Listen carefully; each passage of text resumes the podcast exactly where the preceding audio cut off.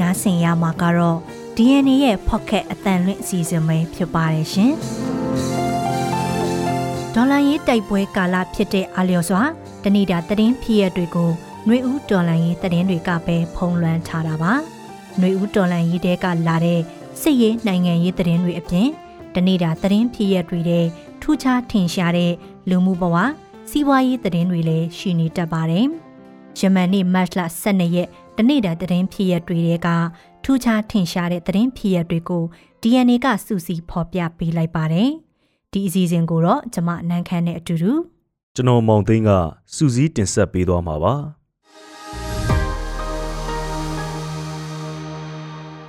ပထမအဦးဆုံးသတင်းတစ်ပုဒ်အနေနဲ့တန်ခါ၃ပါးအပါအဝင်အရက်သား30စစ်ကောင်စီလက်ချက်နဲ့တေဆုံးတယ်ဆိုတဲ့သတင်းကိုတင်ဆက်ပေးပါမယ်။ကျမ်းပြည်နယ်ပင်လောင်းမြို့နယ်နတ်နှင်းရွာဖုန်ကြီးကျောင်းတွင် တန်ဃာတော်၃ပါးနဲ့အရက်သား30ဦးကိုစစ်ကောင်စီလက်ချက်နဲ့တေဆုံးခဲ့တယ်လို့အမျိုးသားညီညွတ်ရေးအစိုးရနဲ့ဒေသကာကွယ်ရေးတပ်ဖွဲ့တွေကဆိုပါတယ်။ယမန်နေ့မလ12ရက်နေ့မှာဒေသကာကွယ်ရေးတပ်ဖွဲ့တပ်ပေါင်းစုစုဖွဲ့ထားတဲ့မိုးပြဲကော်မတီဟာပင်လောင်းမြို့နယ်အတွင်းကစစ်ကောင်စီတပ်ဆွဲခဲ့တဲ့နတ်နှင်းကျေးရွာကိုနယ်မြေရှင်းလင်းရေးဆောင်ရွက်ရာမှာအဲ့ဒီလိုတွေ့ရှိတယ်လို့သိရပါတယ်။စစ်ကောင်စီတပ်ဟာမတ်လ17ရက်နေ့မှာပင်လောင်းမြို့ နတ်နှင်းကျေးရွာကိုလေရင်နဲ့လက်နက်ကြီးပစ်အားသုံးကဝင်ရောက်ခဲ့ပြီးဖုံးတော်ကြီးကျောင်းမှာကိုလုံနေတဲ့သူတွေကိုပစ်ခတ်ခဲ့ပါတယ်။ပျောက်ဆုံးနေသူအရက်သား30အနက်28ဦးအလောင်းကိုတွေ့ရှိခဲ့ပြီးတန်ဃာ3ပါးအလောင်းကိုလည်းတွေ့ရတယ်လို့သိရပါတယ်။အလောင်းတွေကိုတည်ထုတ်နိုင်ခဲ့ပြီးတပ်ဆိုင်ရာရဲဌာနနဲ့စေမှုခင်းတွေကိုဆက်လက်စစ်ဆေးသွားမှာဖြစ်ကာဘာသာရေးအရတကြိုဖို့လည်းဆောင်ရွက်နေတယ်လို့ဆိုပါတယ်။ပြီးခဲ့တဲ့မတ်လ၁ရက်နေ့ကလည်း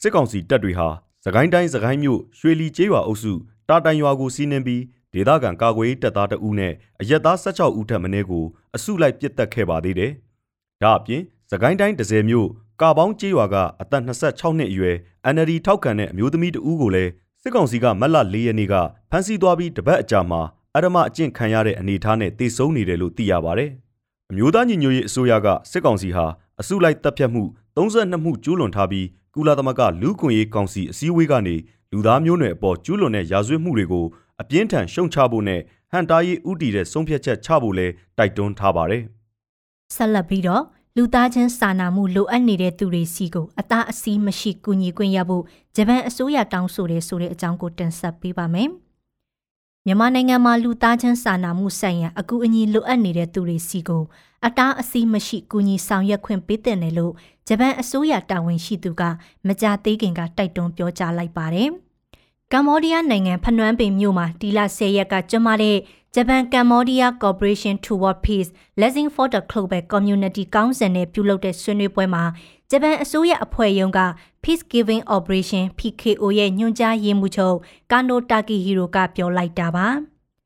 စစ်ကောင်စီတပ်တွေထိန်းချုပ်ထားတဲ့နယ်မြေတွေမှာလူသားချင်းစာနာမှုအကူအညီပေးဖို့ခက်ခဲနေပြီးအကူအညီပေးမှုတွေကိုဟန့်တားတာမရှိဘဲခွင့်ပြုပေးစီလိုတယ်လို့ပြောကြားခဲ့တဲ့အပြင် လက်ရှိမြန်မာနိုင်ငံရေးဟာခက်ခဲတဲ့အခြေအနေလို့လည်းဆိုပါတယ်။ကုလသမဂ္ဂလူသားချင်းစာနာမှုဆိုင်ရာပေါင်းဆက်ညှိနှိုင်းရေးမှုယုံ UNOCHA က2023ခုနှစ်အတွင်းမြန်မာနိုင်ငံလူဦးရေရဲ့သုံးပုံတစ်ပုံဖြစ်တဲ့လူဦးရေ19.6တန်းဟာလူသားချင်းစာနာမှုအကူအညီလိုအပ်နေတယ်လို့မကြသေးခင်ကထုတ်ပြန်ထားပါတယ်။အဲ့ဒီထဲကလူဦးရေ၄တန်းခွဲကတော့အကူအညီတွေအပူတပြင်းလိုအပ်နေတယ်လို့ဆိုပါတယ်။ 2022ခုနှစ်မှာလူဦးရေ4.4တန်းထံကိုလူသားချင်းစာနာမှုအကူအညီတွေရောက်ရှိခဲ့ပေမဲ့ကန့်သက်ချက်တွေရန်ပုံငွေမလုံလောက်တာကြောင့်စီစဉ်ထားတဲ့နေရာတိုင်းကိုအကူအညီတွေမရောက်ဘူးလို့သိရပါတယ်။2021ခုနှစ်ဖေဖော်ဝါရီလတရက်စစ်တပ်ကအာဏာသိမ်းအပြီးပြိပခတွေဖြစ်ပွားနေတဲ့မြန်မာနိုင်ငံမှာလူဦးရေ1.6တန်းဟာအိုးအိမ်စွန့်ခွာထွက်ပြေးနေရပြီးစစ်ကောင်စီတပ်တွေကဘာသာရေးအဆောက်အအုံတွေအပါအဝင် လူနေအိမ်အဆောက်အုံပေါင်း9000ခွဲကျော်ကိုမိရှို့ဖျက်ဆီးထားပါတယ်။နောက်ထပ်သတင်းတစ်ပုဒ်အနေနဲ့စစ်ကောင်စီနဲ့အပြစ်ရက်ခုနှစ်ဖွဲ့ဒီလကုံတွေ့မယ်ဆိုတဲ့သတင်းကိုတင်ဆက်ပါမယ်။အာနာသိန်းစစ်ကောင်စီရဲ့ငြိမ်းချမ်းရေးကော်မတီနဲ့အပြစ်ရက်တိုင်းရင်းသားလက်နက်ကိုင်အဖွဲ့ခုနှစ်ဖွဲ့တို့ဒီလကုံမှာအလို့တဘောတွေ့ဆုံဆွေးနွေးကြမယ်လို့တိုင်းရင်းသားလက်နက်ကိုင်အဖွဲ့တွေကပြောပါတယ်။တွေ့ဆုံပွဲကိုဒီလကုံပြည်တွင်းတနေရာမှာပြုလုပ်မှာဖြစ်ပြီးအစည်းအဝေးအသေးစိတ်အခြေအနေကိုအတိအကျမပြောနိုင်သေးဘူးလို့ငြိမ်းချမ်းရေးလုပ်ငန်းစဉ်ဥဆောင်အဖွဲ့ PPSD ပြောရေးဆိုခွင့်ရှိသူဗိုလ်မှူးကြီးစောကျော်ညွန့်ကပြောတာပါအရင်ကစစ်ကောင်စီကခေါ်တဲ့အချိန်နေရာနဲ့အစီအစဉ်တွေအတိုင်းလိုက်ပါဆွေးနွေးရတာအခက်အခဲရှိတဲ့အတွက်အခုလိုအလို့သဘောညှိနှိုင်းဆွေးနွေးဖို့ဆောင်ရွက်တာလို့လည်းဆိုပါတယ်အဲ့ဒီခုနှစ်ဖွဲ့မှာမွန်ပြည်သစ်ပါတီရခိုင်ပြည်လွတ်မြောက်ရေးပါတီဒီမိုကရေစီအကျိုးပြုကရင်တက်မတော်ကရင်အမျိုးသားအစည်းအရုံး KNU KNLA PC လာဟုဒီမိုကရက်တစ်အစည်းအရုံးပိုးအမျိုးသားလွတ်မြောက်ရေးအဖွဲ့ချုပ် ရှမ်းပြည်ပြည်내ထူထောင်ရေးကောင်စီတို့ပါဝင်ပါတယ်။အပြည့်ရခုနှစ်ဖွဲ့က2022ခုနှစ်မှာထိုင်းနိုင်ငံချင်းမိုင်မြို့မှာနှစ်ဖက်ကိုယ်စားလှယ်အနှဲငယ်နဲ့အလွတ်သဘောတွေ့ဆုံမှုတွေပြုလုပ်ဖို့ကမ်းလှမ်းခဲ့ပေမဲ့စစ်ကောင်စီကညှင်းဆန်ခဲ့တယ်လို့ဆိုပါတယ်။အယက်သားအစိုးရ10နှစ်တာကာလမှာတိုင်းရင်းသားလက်နက်ကင်10ဘွဲနဲ့အပြည့်ရထိုးနိုင်ခဲ့ပြီးငြိမ်းချမ်းရေးလုပ်ငန်းစဉ်ဥဆောင်ဖွဲ့ PPSD ကိုဖွဲ့ထားခဲ့ပါတယ်။နောက်ပိုင်းမှာတော့ရမ်းပြည်ပြည်내ထူထောင်ရေးကောင်စီကရင်အမျိုးသားအစည်းအရုံး KNU နဲ့ချင်းမျိုးသားတပ်ဦး CNF တို့က PPSD မှာအဖွဲ့ဝင်အဖြစ်မပါဝင်တော့ဘဲပူးပေါင်းအဖွဲ့အဖြစ်နဲ့သာရပ်တည်ခဲ့ပါတယ်။ကရင်မျိုးသားအစည်းအရုံး KNU နဲ့ချင်းမျိုးသားတပ်ဦးတို့ကအာဏာသိမ်းစစ်ကောင်စီနဲ့ငြိမ်းချမ်းရေးလုပ်ငန်းစဉ်ရပ်ဆိုင်းထားသလိုအဲ့ဒီဒေသတွေမှာတိုက်ပွဲတွေပြင်းထန်နေတာလည်းရှိပါတယ်။မန္တလေးကမုတ်တီဆိုင်ကိုလက်လုံပုံးနဲ့တနက်ပြပြီးဓမြတိုက်တယ်ဆိုတဲ့အကြောင်းကိုဆက်လက်တင်ဆက်ပေးပါမယ်။မန္တလေးနာမည်ကျော်ဒေါ်တော်မုတ်တီဆိုင်ကိုယမန်နေ့မနက်ကလက်လုံပုံးနဲ့တနက်ပြကဓမြတိုက်ပြီးကာလတန်ဖိုး သိန်း200ကျော်ဖိုးလောက်ရှိတဲ့ရွှေငွေလက်ဝတ်လက်စားတွေလူရက်သွားပါတယ်။ယမန်နေ့မနက်9နာရီဝန်းကျင်လောက်ကအောက်ကန်းနာလန်အပေါ်26ဘီလန်အနောက်ထိပ်မြို့တော်ဥယျင်အရှိဖက်ဖို့ကုန်းရက်မှာဖွင့်လှစ်ထားတဲ့ဒေါ်တော်မုံတီဆိုင်ကိုအမည်မသိလူအမျိုးသားနှစ်ဦးကဆိုင်ကယ်နဲ့ရောက်ရှိလာပြီးလက်လုံပုံးနဲ့တနက်ပြကဆိုင်ရှင်အမျိုးသမီးရဲ့လက်ဝတ်လက်စားတချို့ယူသွားတာပါ။ မုံဒီဆိုင်ပိုင်ရှင်ဝတ်ဆင်ထားတဲ့ဆွဲကြိုလက်စော့လက်ကောက်နဲ့နကက်ကိုရယူသွားပြီးကာလပေါက်စေးအရာ300ကျော်ဖို့လောက်တန်ကြီးရှိတယ်လို့သိရပါတယ်။အရင်ရက်တွေကအဲ့ဒီလိုရွှေငွေလက်ဝတ်လက်စာဝတ်လေမရှိပေမဲ့အဲ့ဒီနေ့ကတော့အလူသွားစရာရှိတယ်ဆိုပြီးဝတ်ဆင်လာခဲ့တယ်လို့ဆိုပါတယ်။မုံဒီဆိုင်ကိုဓမြတိုက်ခံရပြီးနောက် အဲ့ဒီအနီးအနားမှာရှိတဲ့ရက်ွက်အုပ်ချုပ်ရေးမှုရုံးနဲ့တရားရုံးနားမှာအထိုင်ချထားတဲ့စစ်ကောင်စီတပ်တွေလာရောက်စစ်ဆေးမေးမြန်းတာတွေလုပ်ခဲ့တယ်လို့ဒေတာခန်တွေကပြောပါတယ်။အလားတူပဲ17ရက်နေ့မနက်ပိုင်းကလည်းပြည်ကြီးတခွန်မြို့နယ်116လမ်း A လမ်း68လမ်းနဲ့68လမ်းကြားမှာကညနာပွဲစားလုပ်ငန်းဆောင်ရွက်နေတဲ့လင်မယားနှစ်ဦးကိုတနက်နဲ့ပြစ်ခတ်လို့တေဆုံးတဲ့အပြင်ယူရီးယားဆိုင်ကတစည်းကိုလွတ်ယူခဲ့တယ်လို့ဒေတာခန်တွေကဆိုပါတယ်။ ယခုအပတ်အတွင်းမန္တလေးမြို့ပေါ်တချို့နေရာတွေမှာဆိုင်ကယ်စီးနှင်းလာသူတွေကိုအုပ်စုလိုက်ဓာတ်နဲ့ခုတ်ပြီးလူရက်တာတွေဖြစ်နေတယ်လို့ဒေတာခန်တွေကပြောပါတယ်။ဒါပေမဲ့ခိုးဆိုးလူရက်ဓမြမှုတွေရဲ့တရက်ခန့်ကိုစစ်အုပ်စုဘက်ကဖမ်းဆီးရမိတယ်ဆိုတာတိတ်မရှိဘူးလို့ဒေတာခန်တွေကဆိုကြပါတယ်။လက်ရှိမန္တလေးမှာဖြစ်ပေါ်နေတဲ့လူရက်မှုတွေတမျှတိုက်မှုတွေကိုစစ်အုပ်စုဘက်ကတော့ဒေတာကာကွယ်ရေးအဖွဲ့တွေလှုပ်ဆောင်နေတာလို့သတင်းတွေဖြန့်နေပါတယ်။ နောက်ထပ်သတင်းတစ်ပုဒ်အနေနဲ့ထိုင်းနိုင်ငံမှာတည်ဆုံတဲ့မြန်မာလင်မယားအတွက်နစ်နာကြေးပေးဖို့ခြံရှင်ကညှင်းဆန်နေတဲ့ဆိုတဲ့သတင်းကိုတင်ဆက်ပါမယ်။ထိုင်းနိုင်ငံကန်ချလာလုံမြို့နယ်ဥပွန်ဖက်ဤဆန်ဒေသမှာရှိတဲ့စိုက်ပျိုးရေးခြံတစ်ခြံမှာခြံအလုပ်လုပ်နေတဲ့မြန်မာလင်မယားနှစ်ဦးရေကန်အထက်မှာတည်ဆုံနေမှုအပေါ်ရွှေပြောင်းလုပ်သားအရေးကူညီဆောင်ရွက်နေတဲ့အဖွဲ့အစည်းများမှခြံပိုင်ရှင်ကနစ်နာကြေးပေးဖို့ညှင်းဆန်နေတဲ့အတွက်ဆက်လက်ဆောင်ရွက်နေကြတယ်လို့သိရပါဗျ။တည်ဆုံသူတွေဟာရန်ကုန်တိုင်းခရမ်းမြို့နယ်ကနေ ထိုင်းနိုင်ငံအတွင်းအထောက်ထားမဲ့ဝင်ရောက်လုတ်ကင်နေကြသူတွေဖြစ်ပါတယ်။မတ်လ၈ရက်ကတေဆုံးတဲ့လင်မယားနှစ်ဦးစလုံးဟာတေဆုံးချိန်မှာအသက်23နှစ်အရွယ်သာရှိသေးတယ်လို့သိရပါတယ်။တေဆုံးသူနှစ်ဦးအတွက်အတော်ဖြစ်သူကကန်ချလာလုံမြို့နယ်ရဲစခန်းမှာတေမှုတေကင်းနဲ့ဖွင့်လှစ်ခဲ့ပေမဲ့အခုလိုတောနယ်ကြီးထဲမှာတေဆုံးရတာဒွေယိုသားယိုမဖြစ်နိုင်တဲ့အတွက်စစ်စစ်ချက်အဖြေကိုစောင့်ကြည့်ပြီးအမှုပြောင်းလဲဖွင့်တင်ရင်လည်းဖွင့်လှစ်မဲ့အပြင်ကြံရစ်သူမိသားစုတွေကလည်းနစ်နာကြေးရရှိဖို့လိုလားနေကြတယ်လို့ဆိုပါတယ်။ အခုလိုအထောက်ထားမဲ့မြန်မာလူသားတွေလုပ်ငန်းခွင်တွင်တည်ဆုံမှုတွေထိကိုက်နစ်နာမှုတွေမှာတချို့တထေးတွေကရဲနဲ့ပြဿနာမဖြစ်လို့တဲ့အတွက်နစ်နာကြေးပေးပြီးကြေအေးအောင်ဆောင်ရွက်ကြတယ်လို့ဆိုပါတယ်။ဒါပေမဲ့တချို့အလုပ်ရှင်တွေကတော့အလုပ်သမားရေးကူညီဆောင်ရွက်တဲ့အဖွဲ့အစည်းတွေနဲ့တိုင်တန်းမှသာမပေးခြင်းပေးခြင်းနဲ့ပေးရတာမျိုးတွေရှိတယ်လို့လည်းမြန်မာရွှေပြောင်းလုပ်သားအရေးကူညီပေးနေသူတွေကပြောပါတယ်။အခုလမက်လာထဲမှာရင်တိုက်မှုဓာတ်လိုက်မှုအပါအဝင်ဘန်ကောက်မြို့တွင်မြန်မာလူသား20ကျော်တိတ်ဆုံးခဲ့ရပြီး အဲ့ဒီထဲမှာပြီးခဲ့တဲ့လပိုင်းကဘန်ကောက်ကိုတရားမဝင်ဝင်ရောက်လာတဲ့ကားတိမ်မောက်ပြီးမြန်မာလူသား12ဦးသေဆုံးမှုလဲပါဝင်တယ်လို့သိရပါတယ်။ဆီယနာသိမ်းပြီးငွေကြေးဖောင်းပွားမှုစီးပွားရေးကျဆင်းမှုတွေအလုတ်လက်မဲ့နှုံမြင်မာလာတဲ့အတွက်မြန်မာနိုင်ငံကလူသားတွေဝန်ဆောင်ကဈေးသက်သာပြီးကျွမ်းကျင်မှုအများကြီးမလိုတဲ့ထိုင်းအလုတ်သမားဈေးကွက်ကိုတွားရောက်လှုပ်ကင်တာများပြားလာနေပါတယ်။နောက်တစ်ခုအနေနဲ့မြမအရေးငိမ့်ချမ်းစွာဖြည့်ရှင်းဖို့အိန္ဒိယနဲ့ဩစတြေးလျတိုက်တွန်းနေဆိုတဲ့အကြောင်းကိုပြောပြပေးပါမယ်။ မြန်မာနိုင်ငံမှာဖြစ်ပွားနေတဲ့လက်နက်ကင်ပြပခါတွေကိုငိမ့်ချမ်းတဲ့နီးနဲ့အပြေရှာဖို့နဲ့ရန်လိုမုန်းတီးမှုတွေချက်ချင်းရပ်ဖို့အိန္ဒိယနဲ့ဩစတြေးလျနိုင်ငံတို့ကတောင်းဆိုတိုက်တွန်းလိုက်ပါတယ်။အိန္ဒိယဝန်ကြီးချုပ်နာလင်ဒရာမူတီနဲ့ဩစတြေးလျဝန်ကြီးချုပ်အန်တိုနီအယ်ဘာနစ်တို့ကမတ်လ10ရက်ကနေ17ရက်နေ့အထိအိန္ဒိယနိုင်ငံမှာပညာရေးကဏ္ဍအပါအဝင် နားလည်မှုစာချွန်လွှာတွေရေးထုတ်အပြီးကြီးညာချက်ထုတ်ပြန်ခဲ့တာပါ။ နိုင်ငံကောင်းဆောင်တွေဟာမြန်မာနဲ့ယူကရိန်းကအခြေအနေတွေဆိုးရွားလာတာနဲ့ပတ်သက်ပြီးအလွန်အမင်းစိုးရိမ်ပူပန်နေတယ်လို့ထုတ်ဖော်ပြောကြားက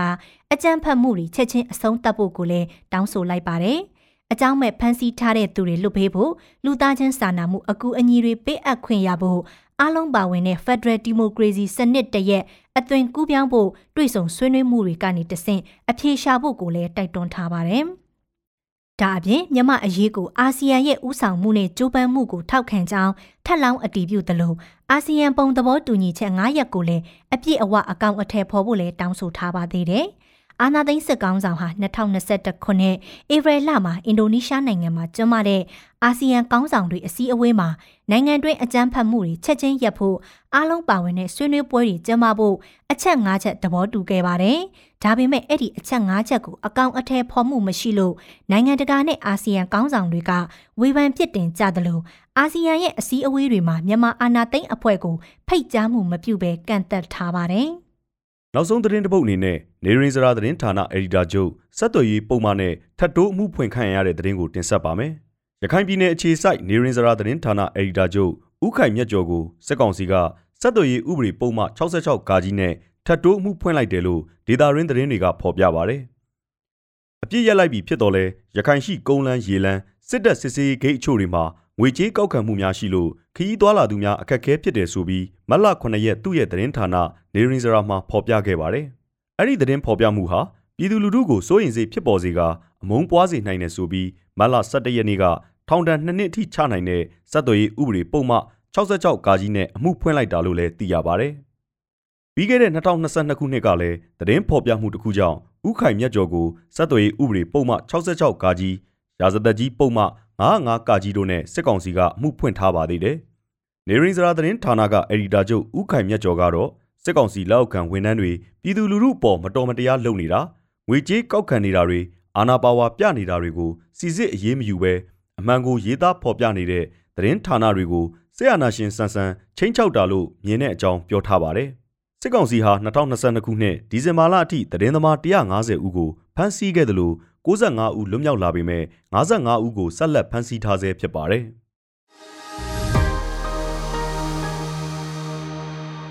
အခုနိုင်ငံတကာသတင်းအစီအစဉ်ကိုကိုမောင်သိန်းကဆက်လက်တင်ဆက်ပေးပါမယ်။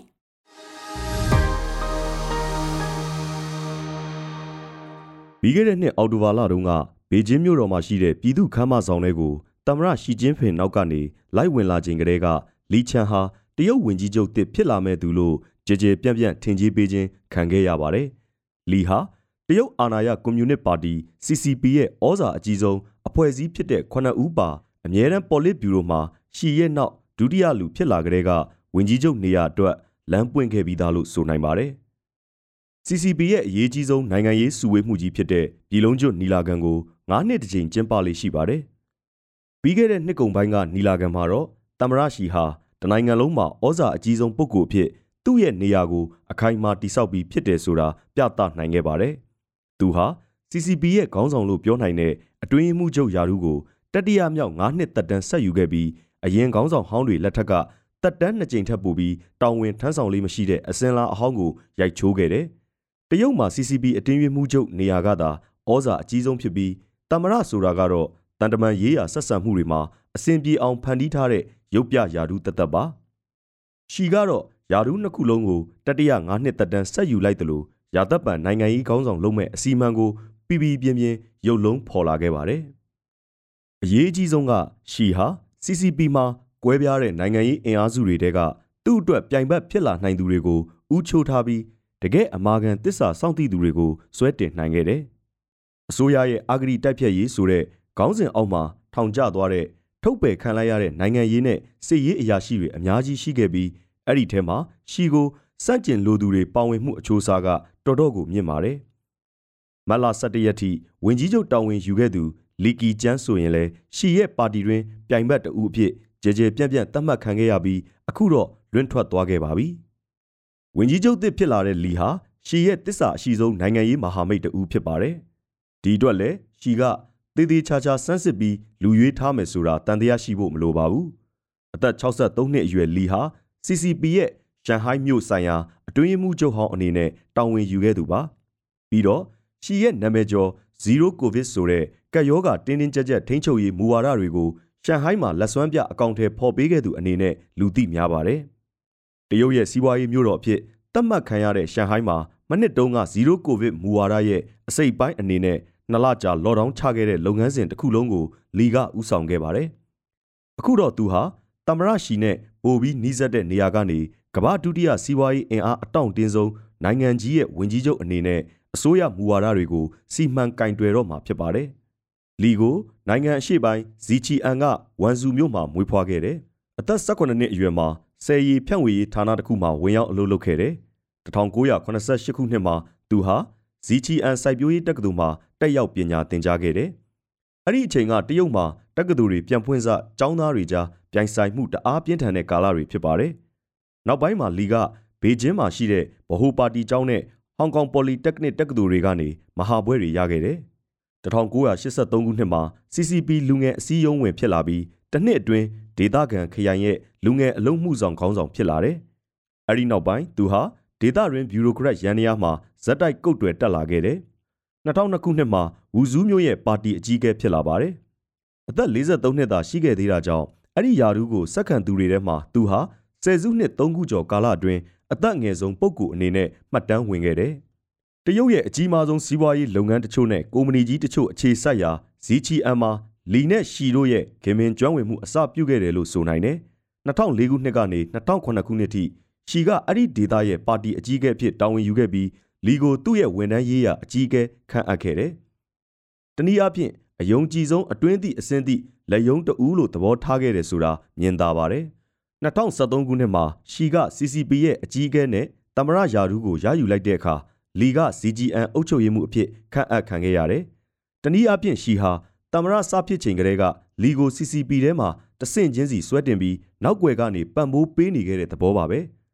2015ခုနှစ်မှာရှီကအမေရိကန်ကိုတွားရောက်ပြီးအဲ့ဒီတုန်းကအမေရိကန်သမ္မတဘာရက်အိုဘားမားနဲ့တွေ့ဆုံချိန်မှာလီကိုခေါ်ဆောင်သွားခဲ့ဘူးတယ်။လီကအမေရိကန်နဲ့တရုတ်ကုမ္ပဏီတွေကြားပူးပေါင်းဆောင်ရွက်မှုတွေမြင့်တင်ဖို့မိန့်ခွန်းပြောခဲ့ပါတယ်။နောက်တော့ရှီကဂျီအန်စုဒေသမှာအာဂရီတိုက်ဖြတ်ရေးအစီအမံအရအရာရှိတချို့ကိုထုတ်ပယ်ပစ်ခဲ့ပါတယ်။လဲလက်သွားတဲ့နိုင်ငံရေးလေဟာနယ်ကိုပြန်ဖြည့်ဖို့အတွက်အယုံကြည်ရဆုံးလက်ယုံတစ်ယောက်ကို ရှီကလိုအပ်လာတဲ့အခါ2016ခုနှစ်မှာလီကိုဒေသဆိုင်ရာပါတီအကြီးအကဲအနေနဲ့ဂျီအန်စုကိုဆေလွတ်ခဲ့ပါတယ်။ရှန်ဟိုင်းဟာတရုတ်ရဲ့စီးပွားရေးဗဟိုချက်ပြီးတော့နိုင်ငံရဲ့လူဦးရေအထူးထပ်ဆုံးမြို့ဖြစ်ပါတယ်။ရှန်ဟိုင်းကိုဦးစီးတဲ့ CCP အကြီးအကဲနေရာဟာနိုင်ငံရေးအရာအမြင့်ဆုံးကိုတက်လှမ်းဖို့လေကတစ်တစ်ခုလို့အခြေခံကြကြယူဆနိုင်ပါတယ်။ရှီကိုတိုင်လည်းဒီနေရာကိုနင်းပြီးနောက်တဆင့်တက်ခဲ့တာဖြစ်ပါတယ်။လီကရှန်ဟိုင်းရဲ့ပါတီအကြီးအကဲဖြစ်လာချိန်မှာ မျိုးဆက်တစ်ခုစာကာလအတွင်းအစိုးဆုံးကပ်ဘေးလို့သတ်မှတ်နိုင်တဲ့ကိုဗစ်ကရက်နဲ့တဲ့တဲ့တိုးပါတော့တယ်။ရှီရဲ့မူဝါဒတွေအတိုင်းကယောဂထိန်းသိမ်းရေးအစီအမံတွေကိုတင်းတင်းကြပ်ကြပ်ကျင့်သုံးပြီးလူဦးရေ25တန်းလောက်ရှိတဲ့စီးပွားရေးမြို့တော်ကြီးကိုလော့ဒေါင်းချဖို့လီတယောက်တွန့်ဆုတ်မနေခဲ့ပါဘူး။ဒီအတွက်မီဒီယာတချို့နဲ့ဒေသခံတွေမှာသူ့ကိုပြစ်မှတ်ထားဝေဖန်တာတွေရှိခဲ့ပေမဲ့ရှီရဲ့အမြင်မှာတော့သူ့ရဲ့အကျွမ်းမဲ့တစ္ဆာစောင့်တိမှုကိုပုံမထင်ရှားခိုင်မာစေခဲ့ပါတယ်။ခုတော့သူဟာတ ရုတ်ဝင်ကြီးချုပ်ယာဒူးကိုပါရရှိပြီးရှီရဲ့နောက်မှာဒုတိယဩဇာအကြီးဆုံးနေရာထိတက်လှမ်းနိုင်ခဲ့ပါပြီ။ပါတီထဲမှာသာမကတနိုင်ငံလုံးပြီးတော့တရုတ်နိုင်ငံရေးကိုစောင့်ကြည့်နေတဲ့ကဘာတော်လွားကလေးလာသူအားလုံးပါလီဟာရှီရဲ့အမာခံမဟာမိတ်မှန်သိထားပြီးသားပါ။လီကိုဝင်ကြီးချုပ်နေရာထိဆွဲတင်နိုင်ခဲ့တာကရှီအတွက်အောင်မြင်မှုတစ်ခုလို့ယူဆနိုင်ပါတယ်။တရုတ်မှာတပါတီစနစ်ပုံစံအနေနဲ့ CCP ကနိုင်ငံရေးအာဏာကိုချုပ်ကင်ထားပေမဲ့ ပါတီထဲမှာပြိုင်ဆိုင်မှုပြင်းထန်တဲ့အစုအဖွဲ့တွေကွဲနေတာအများကြီးရှိပါတယ်။အခုတော့သူ့ရဲ့အမားကိုအချိန်တိုင်းစောင့်ကြည့်နေမဲ့ပြိုင်ဘက်အစုအဖွဲ့ဝင်တယောက်ယောက်ဝင်ကြီးချုပ်နေရာကိုရောက်လာမှာကိုရှီကိုတိုင်းလဲတားဆီးနိုင်ခဲ့ပြီဖြစ်ပါတယ်။နိုင်ငံရေးသူတေသီတွေကတော့လီဟာကက်ယောဂါကာလမှာရုန်းကန်ခဲ့ရတဲ့တရုတ်ရဲ့မူဝါဒရေးရာရင်းရိုင်မှုတချို့ကိုပြန်တက်မှတ်ပြင်ဆင်ပေးနိုင်လိမ့်မယ်လို့ထောက်ခံထားကြပါတယ်။ဒါပေမဲ့သူဟာရှီကိုကြော်ပြီးကြီးကြီးမားမားအပြောင်းလဲတွေ အစပြုဖော်ဆောင်ပေးမဲ့သူမဟုတ်တာတော့သိကြပါတယ်။ပြီးတော့တရုတ်မှာဝင်ကြီးချုပ်ယာဒူးဆိုတာကနိုင်ငံရဲ့စီးပွားရေးမူဝါဒတွေကိုအဓိကဥဆောင်ရတဲ့နေရာလို့လည်းသတ်မှတ်နိုင်ပါတယ်။ရှီရဲ့အမာခံတစ္ဆာတော်ခံမှုလို့ဒီယာဒူးကိုရလာတာဆိုအောင်တော့သူဟာရုပ်သေးဝင်ကြီးချုပ်တသက်မဟုတ်ပဲအမှန်တကယ်အရေးချင်းရှိသူတယောက်ဖြစ်မှတ်ကြောက်တင်ခံဖို့အတွက်လီဟာနိုင်ငံရဲ့စီးပွားရေးကိုပြန်လည်တက်မှတ်ကြားကန်ပေးဖို့အစွမ်းကုန်စူးစမ်းရမှာသိကြပါတယ်။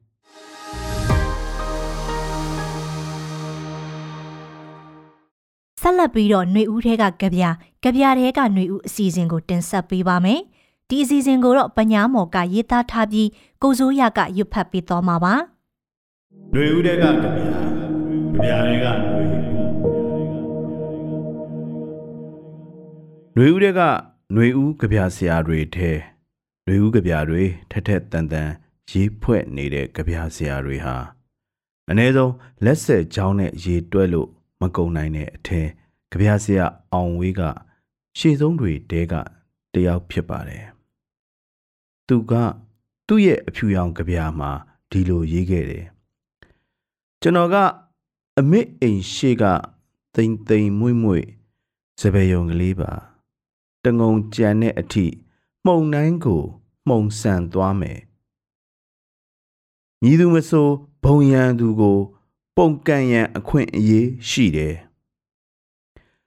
ဒီကဗျာဆရာဟာမြန်မာပြည်မှာပဲနေနေအမေရိကမှာပဲနေနေမီရှီဂန်မှာပဲနေနေအိန္ဒိယနာမှာပဲနေနေစစ်အာဏာကိုစန့်ကျင်တဲ့နေရာတွေမှာရှိနေခဲ့တာသူ့ရဲ့ဖြတ်တန်းမှုတွေကတက်သေးပြုတ်နေပါတယ်သူ့စပယ်ယုံကစပယ်ဖူးတွေကလည်းကြည်ဘူးတွေလိုနေစဉ်မပြတ်ထွက်နေခဲ့တာຫນွေဦးကြပြဆရာတွေရဲ့ တခြားကြပြတွေကျွန်တော်တို့ဖတ်ချင်တယ်ဆိုရင်စောင့်ဆိုင်ကြရအောင်မှာခုချိန်မှာဒီကြပြဆရာတွေဖို့ຫນွေဦးကြပြတွေဟာတကယ့်ကြပြတွေပါဘာကြောင့်ဆိုတော့သူတို့ဟာຫນွေဦးကနေ ထွက်မပြေးနိုင်တဲ့ထွက်မပြေးခြင်းတဲ့ကြပြဆရာတွေຫນွေဦးကနေကြောင်မခိုခြင်းနဲ့မှောင်မခိုခြင်းနဲ့ကြပြဆရာတွေ ဒီထဲမှာမှကြည်ကွယ်မျက်ကွယ်နေရာကနေကြပြလက်နှက်ကိုကင်ဆွဲခွင့်ရတဲ့ကိုအောင်ဝေးတို့လိုကြပြဆရာတွေရဲ့နှွေဦးကြပြတွေကတော့ပြည့်ရင်တက်တက်ပြစ်မယ်ဆိုတဲ့ကြပြတွေပါပဲပြည်တွင်းကကြပြဆရာတွေလိုတိုင်ကြမ်းတွေကအကွက်တွေရေပက်မဝင်အောင်ထက်သုံးဖို့မလို့ဒီတစ်ပတ်မှာတော့အဲ့ဒီຫນွေဦးကြပြတွေယာနဲ့ချီပြီးရေးခဲ့ပြီးပြီဖြစ်တဲ့ ကြပြဆရာအောင်ဝေးရဲ့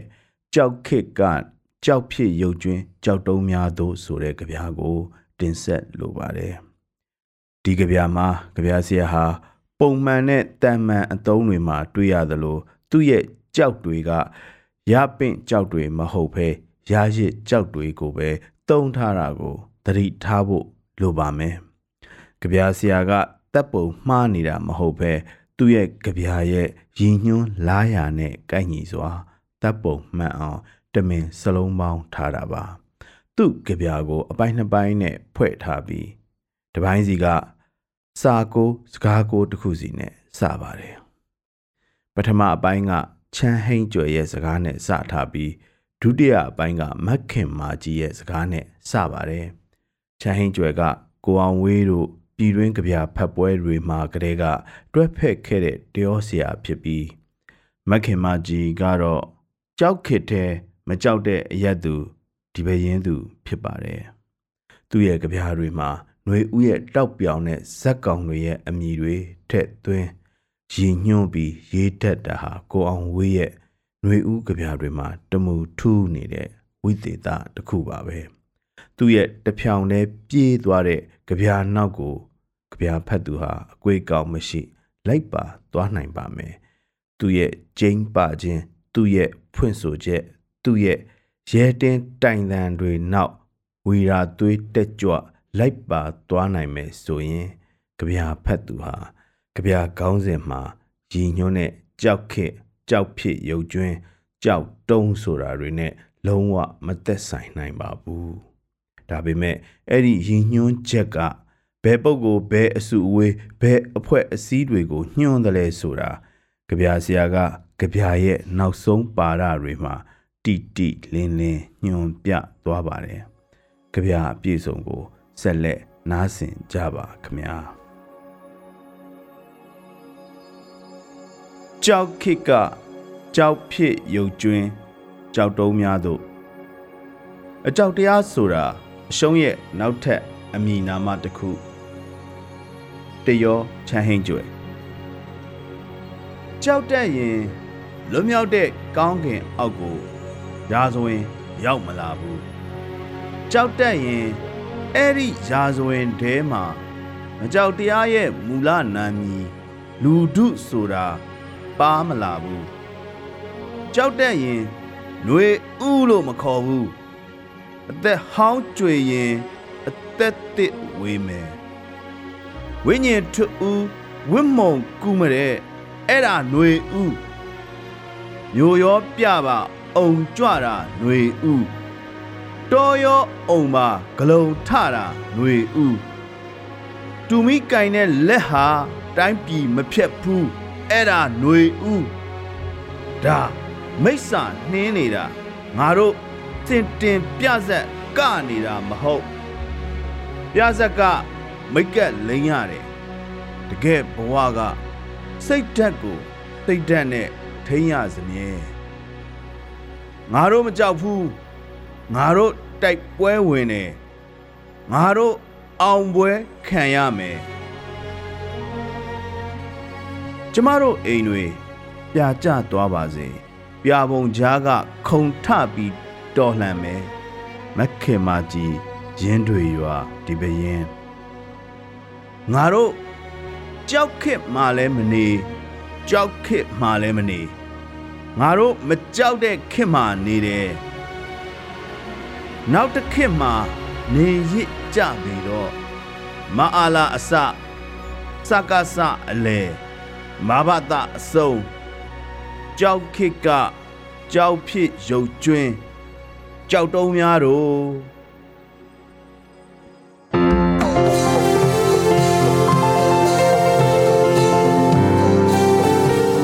DNA ရဲ့ Pocket အတန်လွင့်အစီအစဉ်ကိုအပတ်စဉ်တနင်္လာနေ့ကနေတောက်ကြနေ့အထိမနက်9:00နာရီတိုင်းမှာတင်ဆက်ပေးသွားမှာဖြစ်ပါတယ်။ဒီအစီအစဉ်ကိုတော့ DNA ရဲ့ Facebook Page ကနေအပြင် Anchor, Spotify နဲ့ Google Pocket တို့တွေကနေတဆင့်လဲနားဆင်နိုင်ပါတယ်ရှင်။